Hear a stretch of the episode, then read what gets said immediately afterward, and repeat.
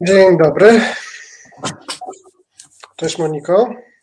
E, cześć Jarku, dzień, dzień dobry Państwu. Dzień dobry, dobry wieczór Państwu. E, widzę, że mamy dzisiaj zawirowania jakieś, dlatego że... Może mamy dla Państwa niespodziankę, będziemy tylko my. Nie, chyba to jest, to jest chwilowe, e, chwilowe zawirowanie. Myślę, że nasz gość się niedługo pojawi. Miło mi Cię widzieć. Już widzę, już widzę na prywatnym czacie, że już jest nasz gość, także, także jesteśmy dobrej myśli, że zaraz się, że zaraz się połączymy. Mm, dobry wieczór. Cześć Piotrek. Witaj Piotrze, wszedłeś e, tak e, ostro, e, bo już byliśmy przestraszeni naprawdę, że, że będziemy sami, bez ciebie. Dostaliśmy taką informację, że dzisiaj będzie bez gościa. Także wejście smoka. Witamy Państwa, witamy naszego gościa, sędziego Sądu Okręgowego w Warszawie, Piotra Gonciarka. Ja nazywam się Monika Ciemninga, jest e, ze mną również e, kolega e, sędzia Jarek Konopka, nie ma z nami Jerzy Jerzewskiej, bo ją no, po prostu się źle poczuła i jesteśmy dzisiaj bez niej. Piotrze, ty nas słyszysz i jesteś w stanie się przedstawić, z nami rozmawiać dzisiaj? Tak, no to, yy, no tak, to jest rzeczywiście takie małe zamieszanie, wszystko dobre, więc Piotr Gęciarek, sędzia Sądu Okręgowego, członek będę miał przyjemność z Państwem i z moją koleżanką i kolegą rozmawiać. E, Piotrze, e, e, spotkaliśmy się dzisiaj, żeby porozmawiać o Izbie Odpowiedzialności Zawodowej, a to dlatego ten temat jest taki naczepny, bo chociażby ty w zeszły wtorek miałeś mieć posiedzenie przed tą Izbą, ale powiedz, co to jest w ogóle, może najpierw przypomnijmy, co to w ogóle jest za twór, ta Izba Odpowiedzialności Zawodowej? No więc w zamyśle no, ustawodawca tak naprawdę to jest otoczenie pana prezydenta, no bo to jakby formalnie prezydent zgłosił ten projekt ustawy zmieniającej ustawę o Sądzie Najwyższym, no to ta izba ma, miała zastąpić nieboszczkę swojej pamięci Izbę Dyscyplinarną, czyli ma być takim organem, który zajmuje się sprawami dyscyplinarnymi, immunitetowymi sędziów, no ale także jest ostateczną instancją w sprawach y, dyscyplinarnych innych zawodów prawniczych, prokuratorów, czy na przykład adwokatów i radców prawnych. Y, no, Justitia, wielu z nas ma, nie tylko z Justicji, wielu sędziów i prawników ma krytyczne zdania na temat tej izby, no to jest taki pozór, tak, że tak próbuje się mydlić oczy, że oto nie ma złej izby dyscyplinarnej, już jest wszystko dobrze, mamy nową izbę i w zasadzie to o co chodzi, nie trzeba tutaj nic drzeć szat, bo wszystko z praworządnością jest dobrze. No tak mówią nam rządzący i w zasadzie tak, tak też się wypowiadał pan prezydent czy jego otoczenie. No ale oczywiście tak nie jest, tak? I zaraz sądzę, że będziemy mówić o szczegółach, na czym polega problem z tą nową izbą. Jak to się stało, że ty w ogóle miałeś mieć jakąś sprawę przed tą e, izbą? Bo może nie wszyscy wiedzą. 13 yy, września, czy to już minął rok, 13 września 2021 roku ja miałem mieć, jako sędzia, miałem zasiadać w składzie trzyosobowym no, w Wydziale Karnym. I ja wówczas y, jednym z tych osób do tego składu trzyosobowego był neosędzia, tak? czyli sędzia powołany wadliwie z udziałem tak zwanego neo-KRS-u, tak? Czyli tak naprawdę osoba, która nie powinna orzekać. Ja tydzień przed tą, przed tym, tą rozprawą złożyłem prezesowi Sądu Okręgowego, był nim wówczas pan Piotr Schab, czyli główny rzecznik dyscyplinarny, pismo, że wywód prawny był 8 stron, argumentacja prawna z odwołaniem się do orzecznictwa e, sądów międzynarodowych, że ja nie będę sądził, odmawiam zasiadania w składzie z taką osobą, bo to, no to narusza prawo obywatelskie, ta osoba w ogóle nie jest uprawniona do, do, do sądzenia, tak?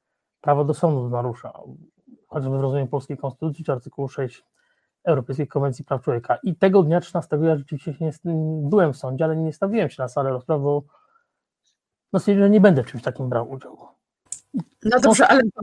Było to, że zostałem zawieszony. No dobrze, ale powołałeś się na jakieś przepisy, czy tak po prostu powiedziałeś? Nie, no tak jak mówię, no, ja przedstawiłem prezesowi wcześniej, tydzień wcześniej argumentację na ośmiu stronach, tak, czyli powołałem się i na orzecznictwo polskich sądów i Europejskiego Trybunału Praw Człowieka i Trybunału Sprawiedliwości Unii Europejskiej, no jasno wyjaśniłem, czym ta neokRS jest, czym nie jest, no i że osoba powołana na wniosek takiego ciała, no to, to nie jest prawidłowo powołany sędzia. Więc y, taki sąd z udziałem takiej osoby no nie jest sądem takim, o którym mowa w naszej konstytucji i w artykule 6 konstytucji. Czy w artykule 6 konwencji praw człowieka, tak. I potem najpierw byłem odsunięty na, na miesiąc przez prezesa, potem jakoś udało, to, to minęło, więc wróciłem do pracy na kilka tygodni, a 24 listopada zostałem ostatecznie zawieszony przez tą nielegalną Izbę Dyscyplinarną. Yy, no byłem jako czwarty sędzia, tak, zawieszony, bo wtedy a w tamtym czasie zawieszony był Paweł Juszczyszyn, Igor Tulee, tak mówię, według kolejności starszeństwa, kto ile jaki ma staż, i był zawieszony Maciej Ferek i ja byłem zawieszony jako numer cztery. Przy czym warto tu powiedzieć, że ja i kolega Maciek Ferek z Krakowa byliśmy zawieszeni już po wyroku TSUE z 15 lipca i po zarządzeniu po tym zabezpieczeniu zakazującym działania Izby Dyscyplinarnej i nakładającym kary na Polskę, mówię o tym zabezpieczeniu z 14 lipca, więc mimo tego i mimo kar, no państwo z Izby Dyscyplinarnej uznali, że ich, ich prawo międzynarodowe nie obowiązuje, oni mogą się bawić sąd i zawieszać sędziów. Y, no dobrze, ale to y, było tak przecież, że e, części sędziów, którzy mieli mieć sprawę w tej Izbie Dyscyplinarnej, e, pełniąca obowiązki pierwszego prezesa Sądu Najwyższego Małgorzata Manowska, poprosiła o akta, tak? I te akta zostały jej oddane. A tak się nie stało tylko w Twoim przypadku i w przypadku e, sędziego Maćka Ferka, tak? No jakoś tak, widocznie nie wiem, nie zyskałem uznania czy czy aprobaty pani Manowskiej. Nie wiem, jak to, co, co się stało, dlaczego tak się potoczyło. Jakby to jest już takie, tak z perspektywy czasu jest to mniej ważne. No, istota przecież polega na tym, że, no, że wtedy działało cały czas ten nielegalny sąd z tymi, ja zawsze mówiłem o tych ludziach, co byli przebierańcy w togach, którym się wydawało, że są legalnie powołani, powołanymi sędziami. No i szkodzili, no to nie chodzi tylko, że tam robili jakąś coś złego konkretnym ludziom, ale no po prostu tak naprawdę niszczyli nasz system sądowniczy i nasze prawo do sądu, tak. Bo jeżeli sędziego można nielegalnie odsunąć, no to, to cóż może człowiek w tym sądzie, jeżeli w każdej chwili sąd można zmienić. My cały czas wracamy i w twojej, w twojej wypowiedzi się przewija i to jest dla, dla nas jasne, może dla Państwa nie, że jakby klub, klub problemu to jest cały czas KRS, prawda? I ten KRS tkwi jak ten, e, jak to drzewo zatrute i, i rodzi kolejne owoce, bo, bo, powołanie jakiejś izby, która się zupełnie inaczej nazywa, e, kompletnie nic nie zmienia. Co, co, co, co dalej z KRS-em, czy z neo-KRS-em właściwie, z tworem, który powinien być KRS-em zgodnie z konstytucją? To znaczy, nie możemy mieć złudzeń, że przy tym układzie, który jest, to znaczy przy takiej większości parlamentarnej, tych, którzy teraz rządzą, to myślę, że ten ci ludzie będą do ostatniego dnia tej kadencji parlamentu robić swoją złą robotę. Na pewno nie ma tu, myślę, że ta władza się nie cofnie i na pewno nie naprawi tego grzechu pierworodnego, bo za, za daleko to za, zaszło, za daleko zaszli w tym dewastowaniu polskich sądów, w tej demoralizacji, w tym niszczeniu. Więc niestety neokRS no, w tych warunkach się nie zmieni. Dopiero po wyborach parlamentarnych będzie szansa na naprawę tego, czyli roz, rozwiązanie tego ciała i powołanie legalnej teorii sądownictwa, gdzie sędziów wybierają sędziowie, a polityków politycy. Tutaj bardzo dobre pytanie pojawiło się na czacie. Pani Goszy, czy powód, pozwany, adwokat też mogą sprawdzać, czy w składzie orzekającym jest neosędzia PiS? Tak, tylko po, powin, może, ale i powinien sprawdzać. Nawet jest taka wyszukiwarka. Z tego co pamiętam, Komitet Obrony Demokracji prowadzi ją znajdź neosędziego czy coś takiego, no nie wiem jak się dokładnie nazywa, ale jest taka wyszukiwarka, że można wpisać nazwisko sędziego. Można też to robić na własną rękę, bo jeżeli mamy nazwisko sędziego, który naszą sprawę rozpoznaje, to na stronie każdego sądu, czy to rejonowego, okręgowego, czy apelacyjnego, można znaleźć, jak się tak trochę wejdzie głębiej, taką zakładkę, struktura organizacyjna, czy tam sędziowie. Jest nie tylko wykaz sędziów, ale jest taka osobna lista sędziów z datami powołania. NeoKRS ten nielegalny zaczął działać w marcu 2018 roku.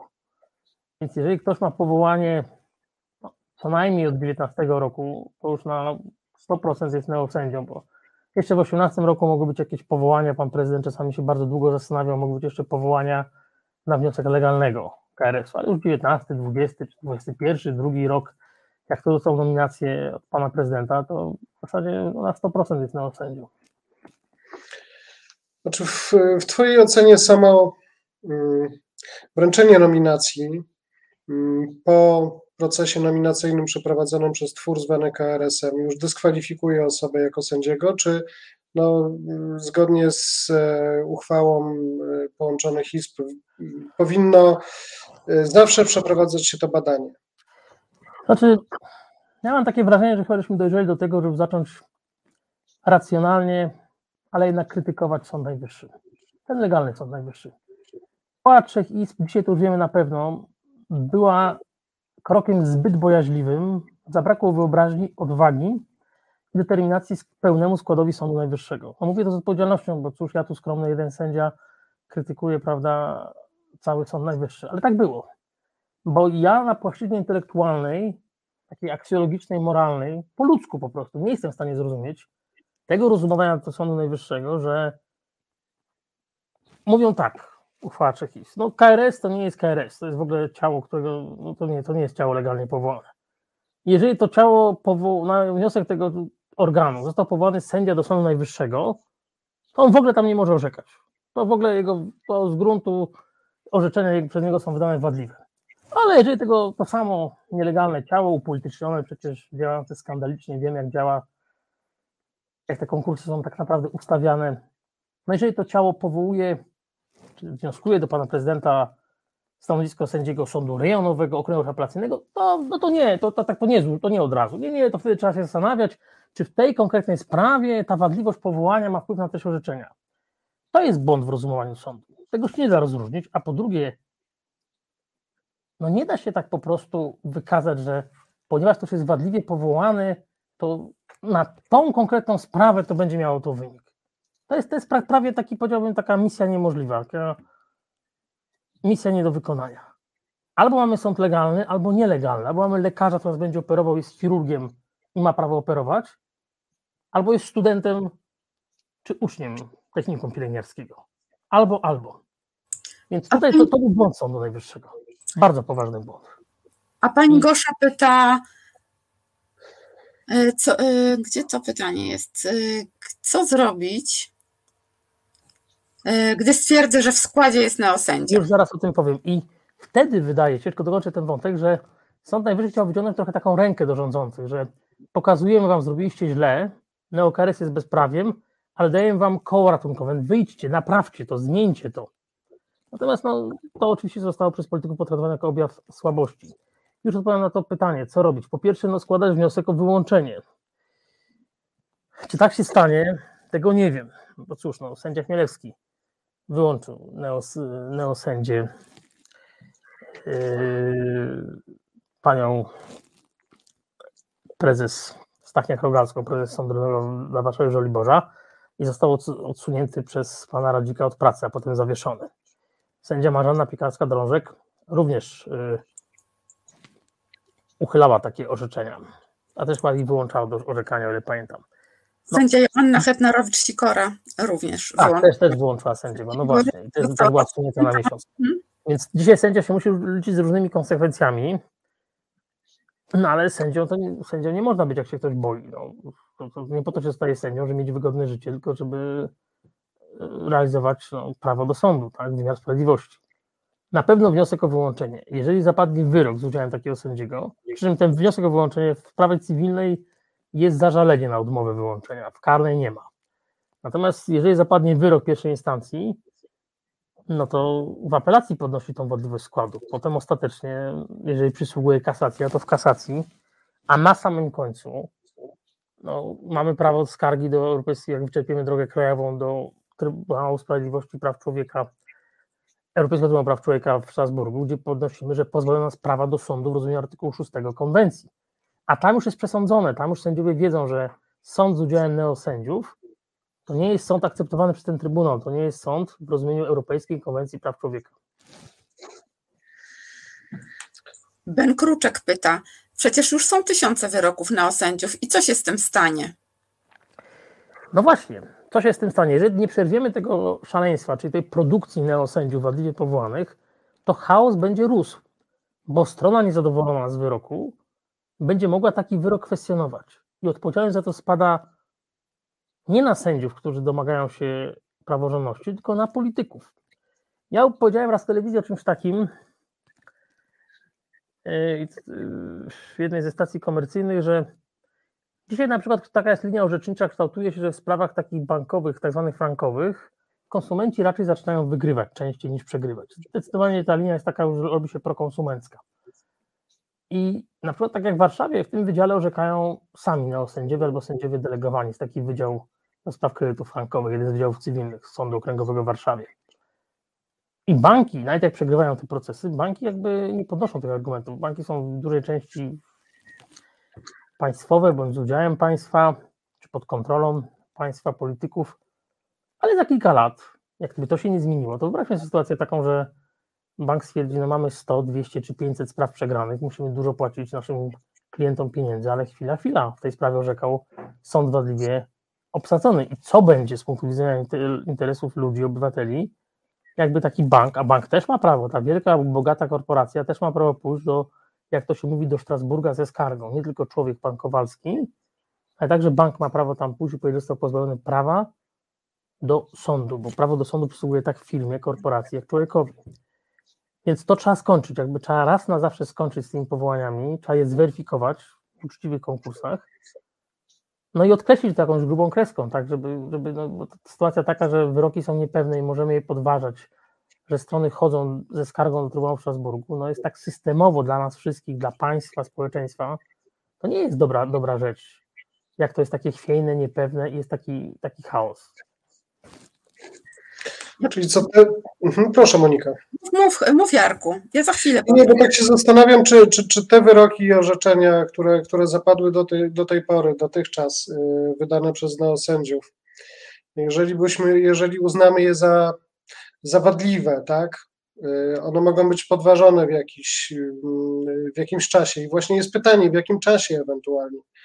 Czy tutaj są tylko kwestie no, proceduralnej z punktu widzenia karnisty, no to oczywiście przedawnienie, tak, ale no zastanawiam się, czy, czy, czy jeżeli odetniemy grubą kreską, no nie, nie, nie, nie, można, nie można pozostawić ich tak sobie, sobie amuzą, ale może, pozostawiamy niejako społeczeństwu wolę, tak? Jeżeli tobie się, drogi obywatelu, nie podoba taki wyrok, to możesz go skarżyć.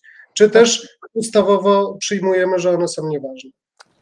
No właśnie, chyba nie do końca aż tak, bo ja przy całej swojej radykalnej krytyce i ludzi z KRS-u i tych, którzy przyjęli te, te nominacje, to jakby no musimy na to patrzeć tak, żeby nie powiększać szkód i żeby mieć na, na względzie interes ludzi, zwykłych obywateli. No bo projekt Justiti opracowany przez nasze stowarzyszenie idzie w takim kierunku trochę innym, Jarku, niż mówisz, no bo chodzi o to, żeby raz na zawsze to przeciąć, żeby nie było tak, że przez następne 10 lat będą ludzie wędrować, będą, będziemy podważać te wyroki w Strasburgu. No trzeba pójść na pewien, taki jest projekt, założenie, żeby pójść na pewien kompromis, w tym sensie kompromis, żeby właśnie nie robić krzywdy ludziom, że powołujemy legalną Krajową Sądownictwa. Osoby nielegalnie powołane wracają na poprzednie stanowiska, czyli mówimy jasno, odwołujemy was w drodze ustawy, to jest nielegalna wasza nominacja, zrobiliście źle, ale nie ruszamy wyroków. Jest jedna ustawa, odcinamy to kreską, bo no bo ja ciągle podaję taki przykład, no, to, że ktoś się rozwiódł przed neosędzią, nie miał na to wyboru, tak, mógł się rozwieść dwa lata temu, mógł się na nowo ożenić czy wyjść za mąż, życie poszło do przodu i to są sytuacje takie po, życiu, po ludzku nieodwracalne. Ale to trzeba raz na zawsze naprawić, czyli przerwać działanie z tego neo-KRS-u, sędziom pokazać jasno, nawet powrót, to nie chodzi o represję, że jakaś kara czy czy dyscyplinarna kara tych, którzy poszli na skróty, ale pokazałem, poszliście złą drogą, wracacie na poprzednie stanowiska. Nie można w ten sposób uzyskać awansu. Trudno, żeście nabroili, wasz wyrok musi dla dobra ludzi zostać w mocy, ale wy wracacie na poprzednie stanowisko i stajesz do uczciwego konkursu. To jest szansa na to, żeby raz na zawsze to przerwać. Nie jest to uznanie doskonałe. ale nie ma świata idealnego, tak? No bo to, to chyba jest lepsze niż to, żebyśmy w indywidualnych sprawach przez 10-15 lat procesowali się i, i, i chodzili do tego Strasburga. Mi ten pogląd jest bliski, to trzeba raz na zawsze przerwać, ale przerwać tylko wtedy, jak powołamy legalną Krajową Radę Sądownictwa. No bez tego się w ogóle z tą, no nie ruszy się z tym. Piotr, może nie na 5-10 lat, ale można przecież ustawodawca może zakreślić stronom e, konkretny termin, nie tak długi, e, by te strony miały prawo też odwołać się, e, zakwestionować. Ja sobie jestem w stanie coś takiego wyobrazić. Może, może i tak, może Moniko masz tutaj rację, że jakiś termin, tak, ale na, na, na, znaczy, tak, tak, na zasadzie takiej fakult, tak, że w sensie uznania ludzi, żeby bo na pewno nie można tych wyroków tak ruszać po prostu en bloc, prawda? Także że je ruszamy. One muszą pozostać w mocy dla dobra ludzi. Ale rzeczywiście taki termin, że strona mogłaby w jakimś terminie jednak próbować dochodzić swoich racji, to może tak, może to jest rzecz, na którą trzeba by się zastanowić. Tutaj e, no, nie możemy się zgodzić z panem Markiem Jurkiewiczem, że nawet gruba kreska i e, e, legalizacja sędziów neo-KRS-owskich nie może wstecznie zalegalizować nieważnych wyroków, ale tutaj też chodzi o pewność prawa. E, to, co Piotr mówi. E, ja bym odpowiedział ta, panu Markowi. Mhm, tak, proszę. Ja bym powiedział tak. Jakby przy twardej krytyce tego neo-KRS-u. Ja też powiem taką rzecz. Ja, ja o tych ludziach, moich kolegach, koleżankach nie będę miał nigdy dobrego zdania. Jestem legalistą i jeżeli ktoś taki stanie do pewnego konkursu, wygra ten konkurs przed legalną krajową sądownictwa, to jeśli przyjdzie mi zasiąść w jednym składzie, to zasiądę z taką osobą, ale to nie znaczy, że ona uzyska mu jakieś, jakieś uznanie. Będzie chłodno, będzie formalnie. Będę uznawał, że orzekam z sędzią, ale ja, no nie możemy zapomnieć, kto jaką ścieżką szedł i gdzie kto, się, kto wykazał się konformizmem. Ale odpowiadając na, pytanie, na to, co pan tu Marek Jurkiewicz na, na czacie napisał, to ja powiem tak. Są sytuacje, takie w rzeczywistości trochę nieodwracalne, bo ta sprawiedliwość taka stuprocentowa tak naprawdę to jest stan wyśniony, który tylko może jest, nie wiem, no przed sądem ostatecznym będzie. Podam taki przykład historyczny. W 1945 roku, zaraz po zakończeniu wojny, e, władza ludowa, komunistyczna, to wtedy było, w zasadzie to było na zasadzie, że to był dekret e, rządu zatwierdzany przez prezydium Krajowej Rady Narodowej, chyba tak się, tak, wtedy jeszcze nie było urzędu prezydenta po wojnie, przyjęło takie, takie, takie były dekrety przyjęte, taki dekret był przyjęty, że orzeczenia sądów polskich wydane działających w generalnym gubernatorstwie pod kontrolą Niemców. Powiedzmy sobie, że sądy polskie działały pod nadzorem Niemców. Działały w Warszawie, w Radomiu, w Krakowie, w Lublinie. Tu działało generalne gubernatorstwo. W czasie wojny mieli sprawy spadkowe, majątkowe, alimenty i tak dalej, czyli lokalowe. I nawet ten, ta władza ludowa po wojnie powiedziała tak, te wyroki zostają w mocy co do zasady, bo coś się zadziało, życie poszło. Ale dajemy stronom rok czasu od zakończenia wojny na możliwość wznowienia postępowania, jak strona nie mogła być właściwie reprezentowana i to nie mogła w tym procesie uczestniczyć tak jak na, na równych, normalnych prawach. Czyli wtedy też uznano, że zaszły pewne rzeczy nieodwracalne. Nie można wyroków tak po prostu uchylić za ostatnie 4 lata. To chodziło o lata 40-44, kiedy te sądy działały. No chociaż te sądy to miały jeszcze mniej wspólnego z sądami znacznie niż to, to, to, o czym tu teraz mówimy, prawda? No bo to były, jakkolwiek byli to polscy sędziowie, ale wydawali wyroki w imieniu prawa, bez łańcucha, no i jednak pod nadzorem urzędów niemieckich. Czasami niestety z tym życiem trzeba będzie pójść na kompromis, ale to nie zmienia faktu, że mamy prawo i powinniśmy bardzo krytycznie oceniać i neokres, ludzi, którzy tam są, i koleżanki i kolegów, którzy poszli na skróty. Oni nie mogą się czuć komfortowo z tym, że uzyskałeś nienależny awans. Ja uważam, że to jest powód do wstydu. I zawsze to będę mówił każdej osobie, która taki awans uzyskała. Bo za takie rzeczy sędzia, człowiek wykształcony, człowiek odpowiedzialny i człowiek, który powinien mieć czujny etos, powinien się wstydzić. Ja, ja, też zawsze powtarzam, że nawet jeżeli nie będzie takiej woli politycznej, no bo musi być wola polityczna, żeby zrobić coś z tymi neosędziami, to nawet gdyby y, zakładając, y, chociaż to jest czarny scenariusz i nie za bardzo chcę go dopuścić do siebie, y, to ale gdyby się tak stało, to, to ci sędziowie zawsze będą jak docenci marcowi. Oni zawsze po prostu będzie się za nimi ciągnęło to odium, ten smród, tak? Tego, że w takiej procedurze wzięli udział. Szczególnie teraz, gdy, gdy wiadomo, jakie grzechy ciążą na, na tej NeoKRS, co to są za ludzie, jak wyglądają te konkursy. Jeszcze na początku oni mogli się tłumaczyć, że no nie wiedzieliśmy, chociaż moim zdaniem to też ich nie tłumaczy, ale w tym momencie no nie ma po prostu, nie ma takiego wytłumaczenia. I to, i to zawsze będzie e, no taka plama na honorze moim zdaniem.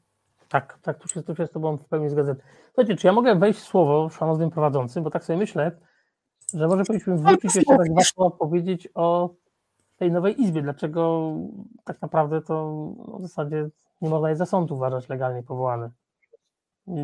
Bo... To może zrób... Tak, chcieliśmy do tego przejść, ale rozmowa jest na tyle... Wyprzedziłeś. To może, zróbmy przerwę i po, i po przerwie e, przejdziemy gładko do e, neo, neoizby, ne, neoizby dyscyplinarnej, tak? Okej. Okay. Izby dyscyplinarnej BIS. Słuchasz Resetu Obywatelskiego. Witamy ponownie. Witam ponownie. E, ale spójrzcie tutaj komentarz pana Tomasza Szyntralewicza. Wolę polityczną, o ile mamy wrócić do porządku prawnego, warunkuje stanowisko środowiska prawników. To ma być ich stanowisko i nikogo innego. No, oby się tak stało. No, to też, znaczy my musimy mocno artykułować nasze postulaty, nasze stanowisko. My nie możemy iść na kompromisy tutaj z wartościami, ale no, wiemy, jak działa polityka. Tak? Polityka to zawsze jest jakaś taka gra interesów, czasami jakichś kompromisów i tak dalej. No, co politycy zrobią, to zobaczymy, ale my musimy ich pilnować i jasno mówić, o co chodzi, żeby ten wymiar sprawiedliwości naprawić. No ja mogę zacytować tylko Stanisława Wyspiańskiego, bo nie będę cytować tego, co Napoleon mówił o polityce, ale zacytuję Stanisława Wyspiańskiego, polityka to nie jest marzycielska rzecz. No tak. No, skoro, skoro, skoro polityka, to bądźmy daleko, ale tak sobie myślimy, z, z Moniką y, pisaliśmy przed, przed wejściem y, na antenę. JOS, Czym, czymże jest ten JOS, czyli Izba Odpowiedzialności Zawodowej, przy, przypudrowaniem poprzedniej, nowym, nowym tworem yy, i dlaczego on jest tak polityczny? To znaczy, no. To znaczy, w zamyśle pana prezydenta, osób z jego kancelarii, a pewnie polityków obozu rządzącego większości, no to miała być taka przykrywka, to miało pokazać Europie, Komisji Europejskiej, że oto problemy z praworządnością się skończyły i od tej pory wszystko będzie dobrze. No się okazuje, że na szczęście Europa nie kupuje tej narracji, tej opowieści. I czym to jest? No, udaje to sąd. Zacznijmy tak chronologicznie. Na początku, bo docelowo miał pan prezydent, on to zrobił, powołać 11 osób, ale na początku, zanim w ogóle to zrobił, pani Manowska, doktor habilitowana Manowska, tak ją tytułuje, na podstawie tej ustawy powoła taki pięcioosobowy tymczasowy skład. Pięć osób do rozstrzygania tych spraw dyscyplinarnych. Tam było trzech legalnych sędziów Sądu Najwyższego i dwóch neosędziów. Teraz tak, jaki jest tym problem? Gdybyśmy mieli legalnego pierwszego prezesa Sądu Najwyższego, to to, że on wyznacza na okres tymczasowy pięciu sędziów z tego sądu, nie rodziłoby jakiegoś większego problemu. Może powinni być wylosowani, no ale dobrze, prezes wyznaczył. No ale mamy tu sytuację taką, że to osoba, która sama jest neosędzią. Pani Manowska została powołana na wniosek neo-KRS-u. Nie ma prawa orzekać w Sądzie Najwyższym. Mi się wydaje, że może rozkłada ręce, ona mówi, że nie wie o co chodzi z praworządnością. No, takiego mamy pierwszego prezesa.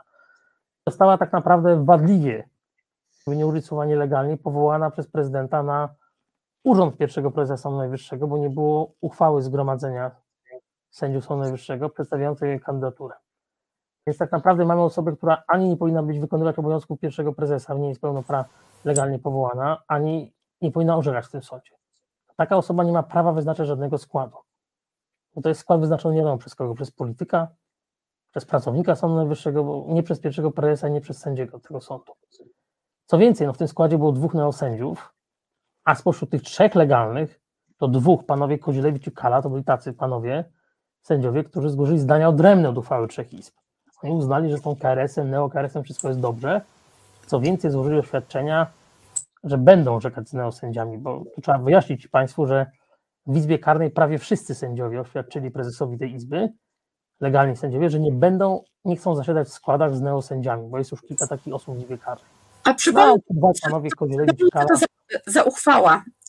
Bo tutaj teraz po, przed chwilą powołałeś się na uchwałę e, styczniową, ale może nie wszyscy wiedzą, co to jest za uchwała. No to, to tak trochę wracamy do uchwały trzech izb, no to jest ta uchwała gdzie, historyczna, gdzie pełen skład legalny Sądu Najwyższego stwierdził, że no ten neo-KRS to nie jest KRS, o jakim mowa w Konstytucji i że można kwestionować orzeczenia wydane przez, wydane przez sędziów powołanych na wniosek tego, tego organu. Więc to, to, to po raz pierwszy w takim składzie Sąd Najwyższy przesądził, że KRS jest wadliwym organem. To jest takie no, ważne orzeczenie, ale tak jak już mówili, no, powinno jednak pójść krok dalej. I ta piątka, o której tu mówię, ona orzekała no, w zasadzie do września. A docelowo mamy już skład 11 osób, który odbył się tak, że najpierw pani Manowska losowała 33 kule z nazwiskami i wylosowała 33 osoby. Spośród tej kuli 33, i to jest istota wadliwości, dlatego to nie jest sąd. Spośród 33 osób, które wylosowała pani Manowska, prezydent wskazał 11. Ja mówię osób. Dlaczego mówię osób? Tam są sędziowie, i tak naprawdę pseudosędziowie, tak? czyli nielegalnie powołane osoby do Sądu Najwyższego. I Sześć osób. pan, wadliwość polega na dwóch poziomach. Po pierwsze, z jakiej racji polityk, no bo prezydent jest politykiem, prezydent jest przedstawicielem władzy wykonawczej. Z jakiej racji to prezydent ma decydować, kto będzie orzekał w określonej izbie Sądu Najwyższego? To jest naruszenie takiego trójpodziału władzy. Y, Tak jak sąd nie jest od określania regulaminu kancelarii prezydenta i my nie mamy uprawnienia jako sędziowie decydowania, kto jest szefem kancelarii prezydenta, a kto jest szefem biura prezydialnego czy biura odznaczeń i orderów, tak pan prezydent nie powinien mieć prawa do wyznaczania składu poszczególnych izb Sądu Najwyższego.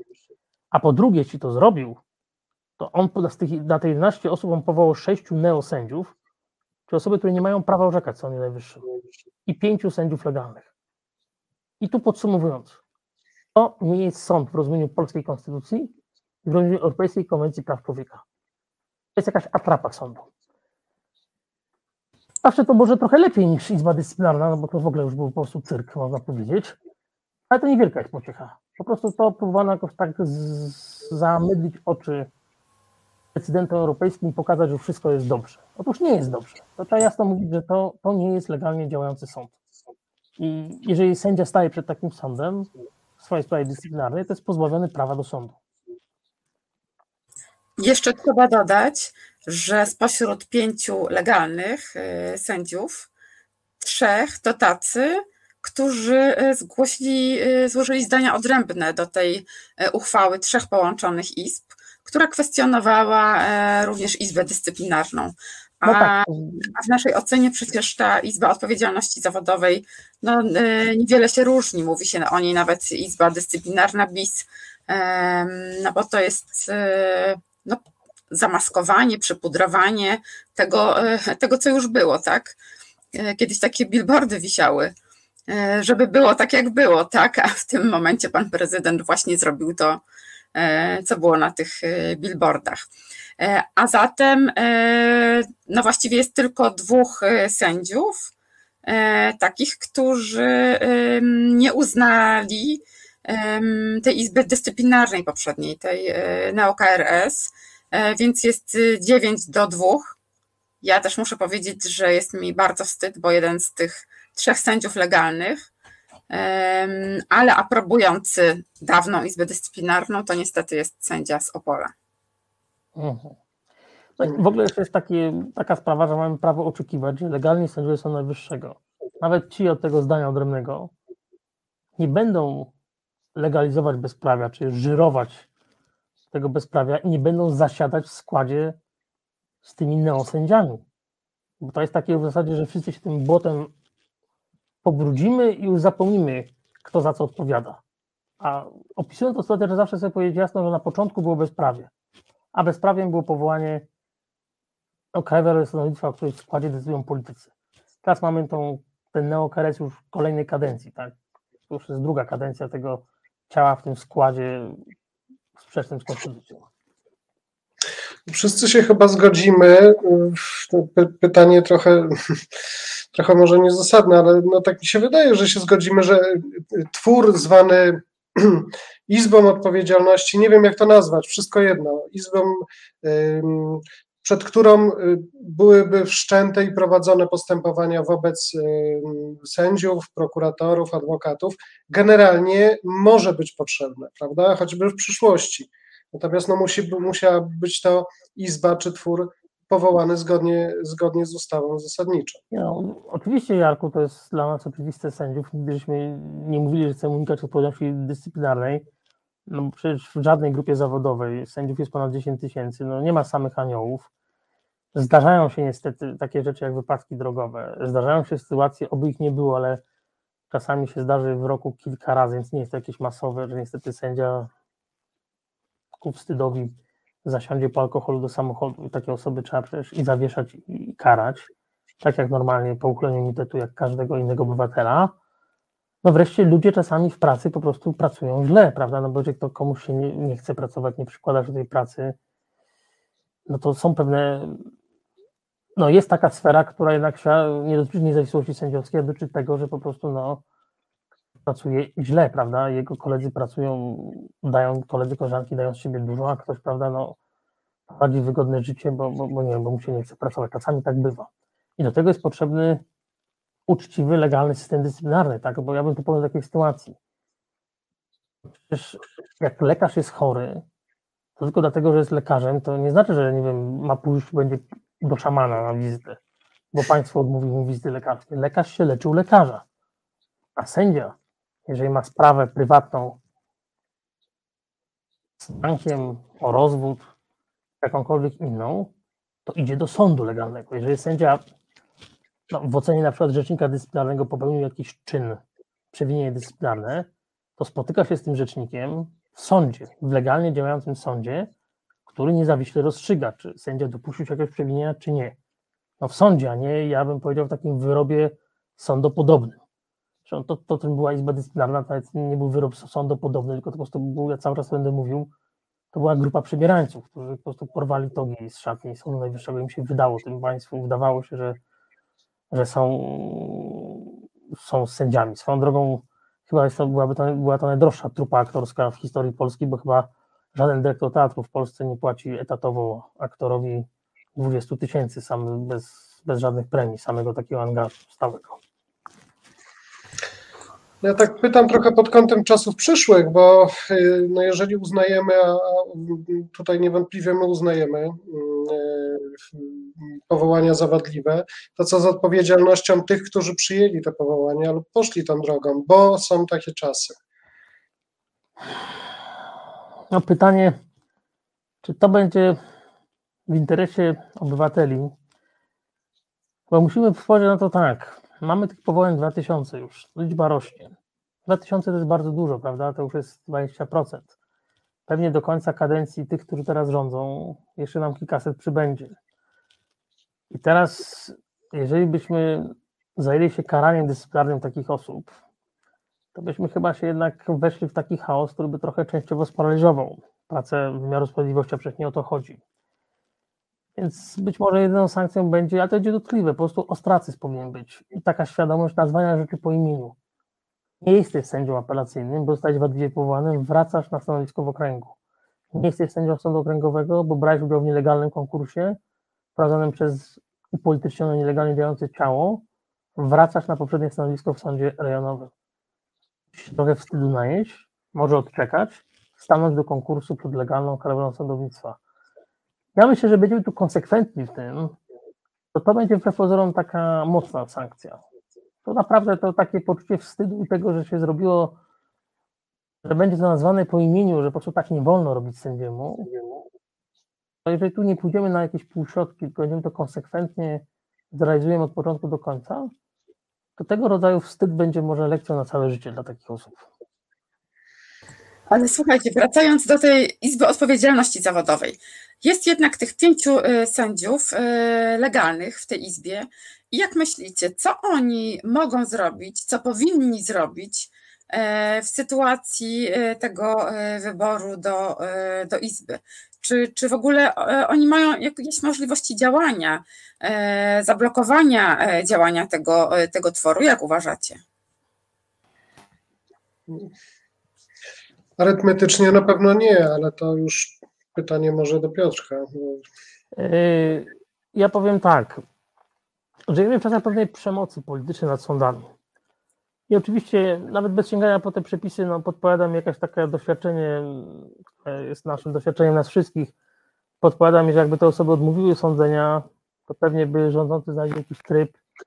Pan prezydent by tam powołał kolejne osoby, tym razem już neosędziów 100%. Ale może zamiast legalizować takie bezprawie, rozmydlać, rozwadniać to bezprawie, trzeba być pryncypialnym do końca. I oczekują od takiej piątki sędziów, nie będziemy uczestniczyć w tym bezprawiu. Niech będzie tak, że tym organem dyscyplinarnym będzie organ w 100% złożony z neosędziów. Sytuacja wtedy jasna, klarowna dla, dla Trybunału w Luksemburgu, w Strasburgu. To jest kontynuacja bezprawia, kontynuacja Izba Dyscyplinarna BIS. I nie ma tu żadnych skrótów. I uważam, że to jest, to jest najlepsze wyjście. Oczywiście jest wtedy takie ryzyko, że sprawy takich osób jak Maciek Ferek z Krakowa, jak Krzysztof Mielecki z Warszawy, czy ja, i Igora Tulei oczywiście, potrwają dłużej. Bo na razie my, my trzej, bo nasze sprawy z urzędu zostały wyznaczone, no żeśmy trochę utrudnili tej przejściowej izbie, bo tej pięcioosobowej, bo złożyliśmy wnioski, że ten sąd nie jest właściwy, że to nie jest sąd, do Izby Karnej to przekazać i składaliśmy też wnioski o wyłączenie poszczególnych sędziów. Sędziów bądź neosędziów. Czy dlatego, dlatego nie odbyła się Twoja sprawa we wtorek? Znaczy, moja sprawa też nie poszła, przyznaję, ja nie miałem w składzie neosędziego. Miałem w składzie dwóch legalnych sędziów i ławnika. Ale mój obrońca pełnomocnik złożył wniosek po pierwsze, żeby to przekazać do Izby Karnej, że to w ogóle ten sąd, pięć osób powołanych przez panią Manowską, to nie jest legalnie powołany sąd. I po drugie złożyliśmy wniosek o wyłączenie, no w moim konkretnym przypadku, pana sędziego Kozielewicza. No bo jeżeli pan Kozielewicz, niemu nie przeszkadza neo-KRS, zgłasza zdanie odrębne od uchwały trzech izb, pisze do prezesa Izby Karnej, nie mam problemu w sądzeniu z neosędziami, a ja za to, że odmówiłem sądzenia z neosędzią jestem zawieszony, no to dla mnie to, to, to nie jest taki, no zachodzą tu wątpliwości do bezstronności sędziego w tej konkretnej sprawie.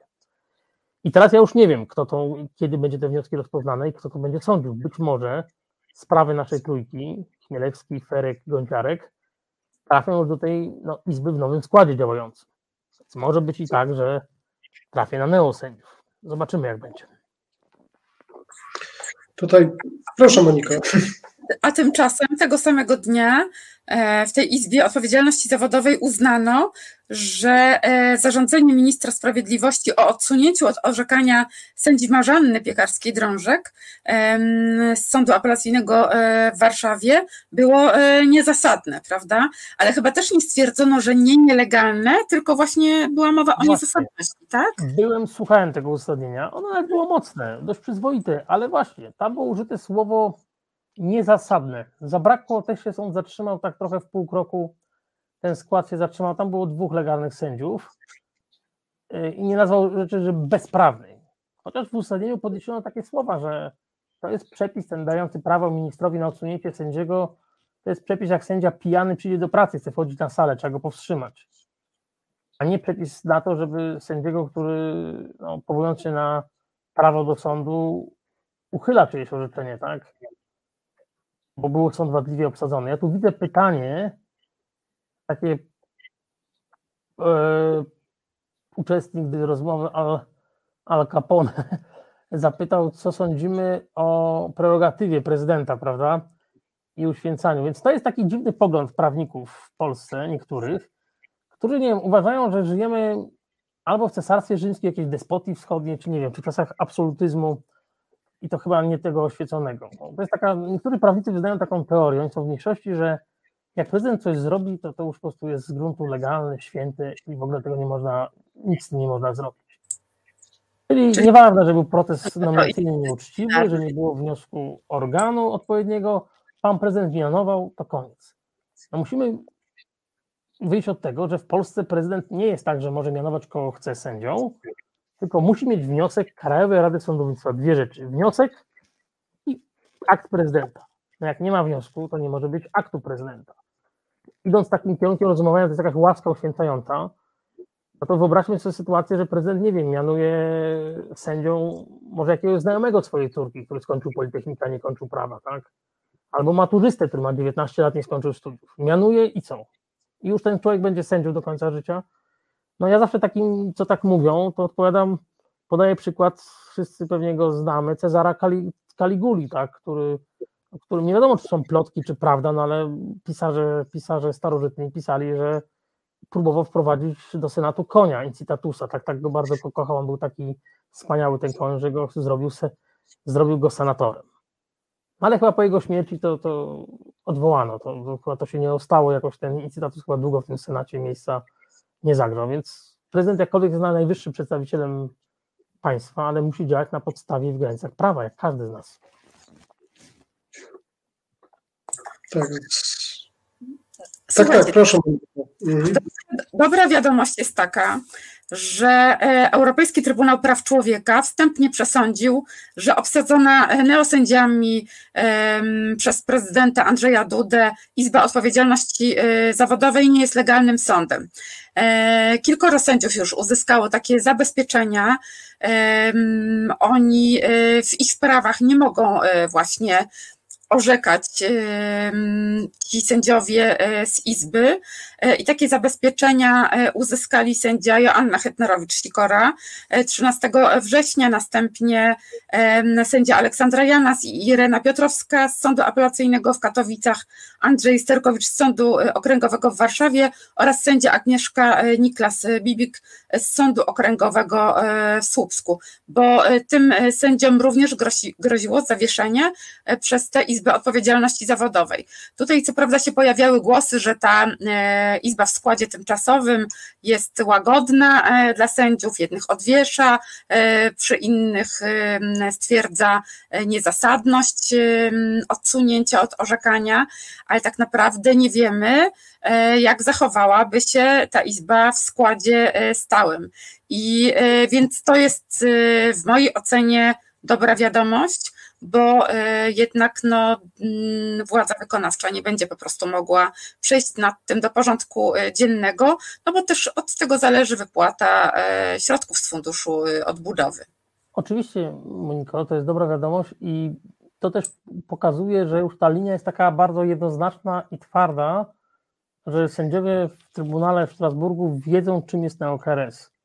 Że jakby jest tam taka szybka ścieżka, prawda? bo te zabezpieczenia były w dosyć takim szybkim trybie udzielane, i tam już wiadomo, że neokares równa się, to nie jest sąd, który my akceptujemy. To nie jest sąd w rozumieniu artykułu 6 Europejskiej Konwencji Praw Człowieka, czyli tej, tego przepisu, który gwarantuje nam prawo do uczciwego procesu przed legalnie powołanym, niezależnym sądem.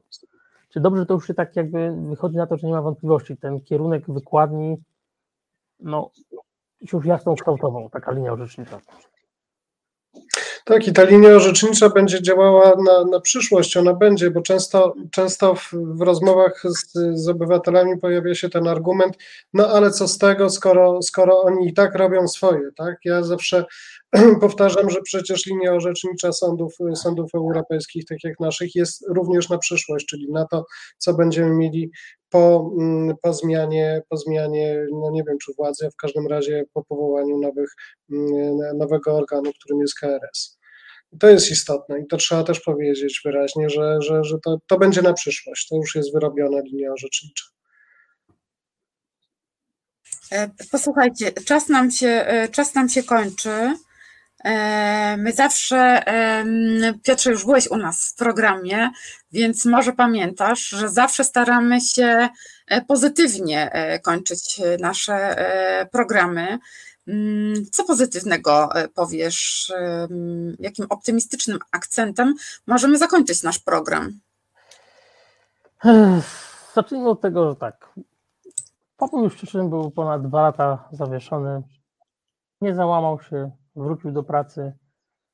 Z polskimi sądami pracy prawomocnie no został, niezależnie od tego, że go pan Roch, jako czynność faktyczną, pan Roch z eks Izby Stanowczej wrócił do pracy, ale to, było, to nie był żadne orzeczenie ani wyrok. Natomiast on, Paweł Krzyszyn, nasz kolega, mm, wybrał tą ścieżkę przed sądem pracy, który go przywrócił do pracy, to ma już teraz wobec podjęcia przez niego obowiązku ma deklaratoryjny charakter, ale jest to bardzo ważne, bo w tym prawomocnym wyroku sądu pra, sądy pracy powiedziały jasno, Izba Dyscyplinarna nie jest sądem, nie miała prawa go zawiesić, zostało złamane prawo, tak? Pan Nawacki, jego prezes, ma teraz tym wielki problem. Yy, jakby spójrzmy na to w ten sposób, że tak naprawdę ci zwolennicy jakiejś takiej koncepcji, ja to mówię takiej koncepcji rodem z Białorusi, Rosji albo z Chin sądownictwa, tej koncepcji Zbigniewa Ziobry, no przegrywają na każdym możliwym froncie, bo jakby w Europie nikt nie wierzy w to, że wizje Zbigniewa Ziobry upolitycznione wymiaru sprawiedliwości mają coś wspólnego z wartościami europejskimi. Polscy politycy przegrywają procesy, w zasadzie wszystkie, przed Trybunałem Sprawiedliwości w Luksemburgu, czy przed Europejskim Trybunałem Praw Człowieka w Strasburgu. Coraz więcej słyszymy o takich orzeczeniach polskich sędziów, gdzie sędziowie no, pokazują, że nie dadzą się zastraszyć, tak? Przeróżny sposób. Więc ja myślę, że to, to naprawdę to, że może to kilka osób zawieszono, to, to może i dobrze w tym sensie, że to pokazało, że to nie jest koniec świata. I to, że ktoś jest zawieszony, to nie znaczy, że, że, że trzeba się załamać. Trzeba pokazać, że zwróćmy spójrzmy na to tak, żaden z zawieszonych sędziów, i to też jest optymistyczne, nie dał się zastraszyć. Nie odszedł z zawodu. Nie wiem, nie, nie, nie, nie założył włosienicy i nie stanął pod gmachem ministerstwa i nie zaczął odkręcać swoich słów, tylko przecież wszyscy sędziowie bezprawnie zawieszeni. I poprzednio już byli, już wrócili do pracy, jak już wcześniej Beata Morawiec. I, I my teraz, aktualnie zawieszeni, przecież twardo bronimy zasad. Twardo mówimy o tym, że prawo do sądu należy się każdemu, i, a gangreną, rakiem jest neo-KRS. Optymistyczne jest to, że my to naprawimy. Jest gotowy projekt Justicji. Oczywiście trzeba tu dyskutować o szczegółach. Trzeba dyskutować z politykami, ze środowiskami obywatelskimi, ale ten projekt jest i na pewno punktem wyjścia do dalszych prac będzie projekt Justicji. I wydaje się, że już wszyscy politycy, może z wyjątkiem tych, którzy teraz rządzą, wiedzą, że nie da się naprawić wymiaru sprawiedliwości bez przywrócenia legalnej karawy Sądownictwa. I to jest duży dorobek. Myślę, że sędziowie pokazują, że w obronie wartości no, czasami trzeba ponieść jakąś cenę. No, tak, tak czasami życie nastaje przed takimi wyborami, ale, ale idziemy do przodu z wiarą, że racja jest po naszej stronie. A ja jeszcze dodam, przypomnę to, co powiedział prezes Justicji, profesor Krystian Markiewicz, co mogą zrobić ci legalni sędziowie w Izbie Odpowiedzialności Zawodowej. On powiedział tak: Mogę powiedzieć, że nie będą orzekać w tej Izbie i nie będą orzekać z neosędziami. Mogą zadać pytanie prejudycjalne do CUE dotyczące Izby Odpowiedzialności Zawodowej i sposobu ukształtowania jej składu. Ostatnie 7 lat pokazało, że sędziowie mają wiele możliwych zachowań, tylko trzeba odważnie chcieć skorzystać z dostępnych środków, żeby tylko nie skończyło się na wydawaniu zdań odrębnych od orzeczeń do orzeczeń, bo to nie ten czas. Ja mi się podpisuję pod tymi słowami. Czy, czy chcesz jeszcze coś dodać na zakończenie?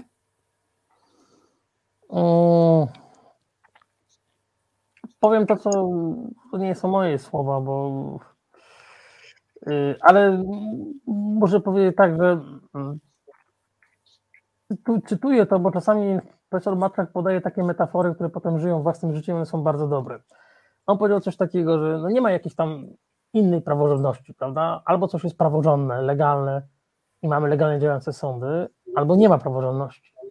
To jest trochę tak, że no, ktoś może powiedzieć, że bo nasi politycy może mają jakąś swoją praworządność, specyficznie polską i tak dalej. Więc no, można powiedzieć naprawdę, że no, ja mam takie zasady życia domowego, że myję zęby raz na tydzień. No, no można, to trochę wstyd tak mówić, jak ktoś chce, przyjął zasadę, że myje zęby raz na tydzień, a nie dwa razy dziennie, prawda? Więc można mieć jakąś praworządność, nie wiem, w wersji białoruskiej, czy chińskiej, czy rosyjskiej, no ale to, to nie jest to. Praworządność jest jedna. Albo, albo są reguły niezależności władz, trójpodziału, niezależnego wymiaru sprawiedliwości, albo ich, albo ich nie ma. I na koniec ostatnie słowo. No, prawo do sądu jest prawem przyrodzonym, wynikającym z rozwoju cywilizacyjnego. Nam się to po prostu należy. Niezależnie od konstytucji i konwencji, nam się należy uczciwy sąd. To było optymistyczne zakończenie naszego programu. Jarku. Dodać, czy już możemy zakończyć program? Nie, Piotr wy, wyczerpał absolutnie wszystko. Dziękuję, dziękujemy Ci Piotrze za przyjęcie, Dziękuję za bardzo. Dziękuję bardzo. tylko dodać, że Jarek już z nami jest na stałe, także nie jest już naszym gościem, tylko po prostu jest współprowadzącym.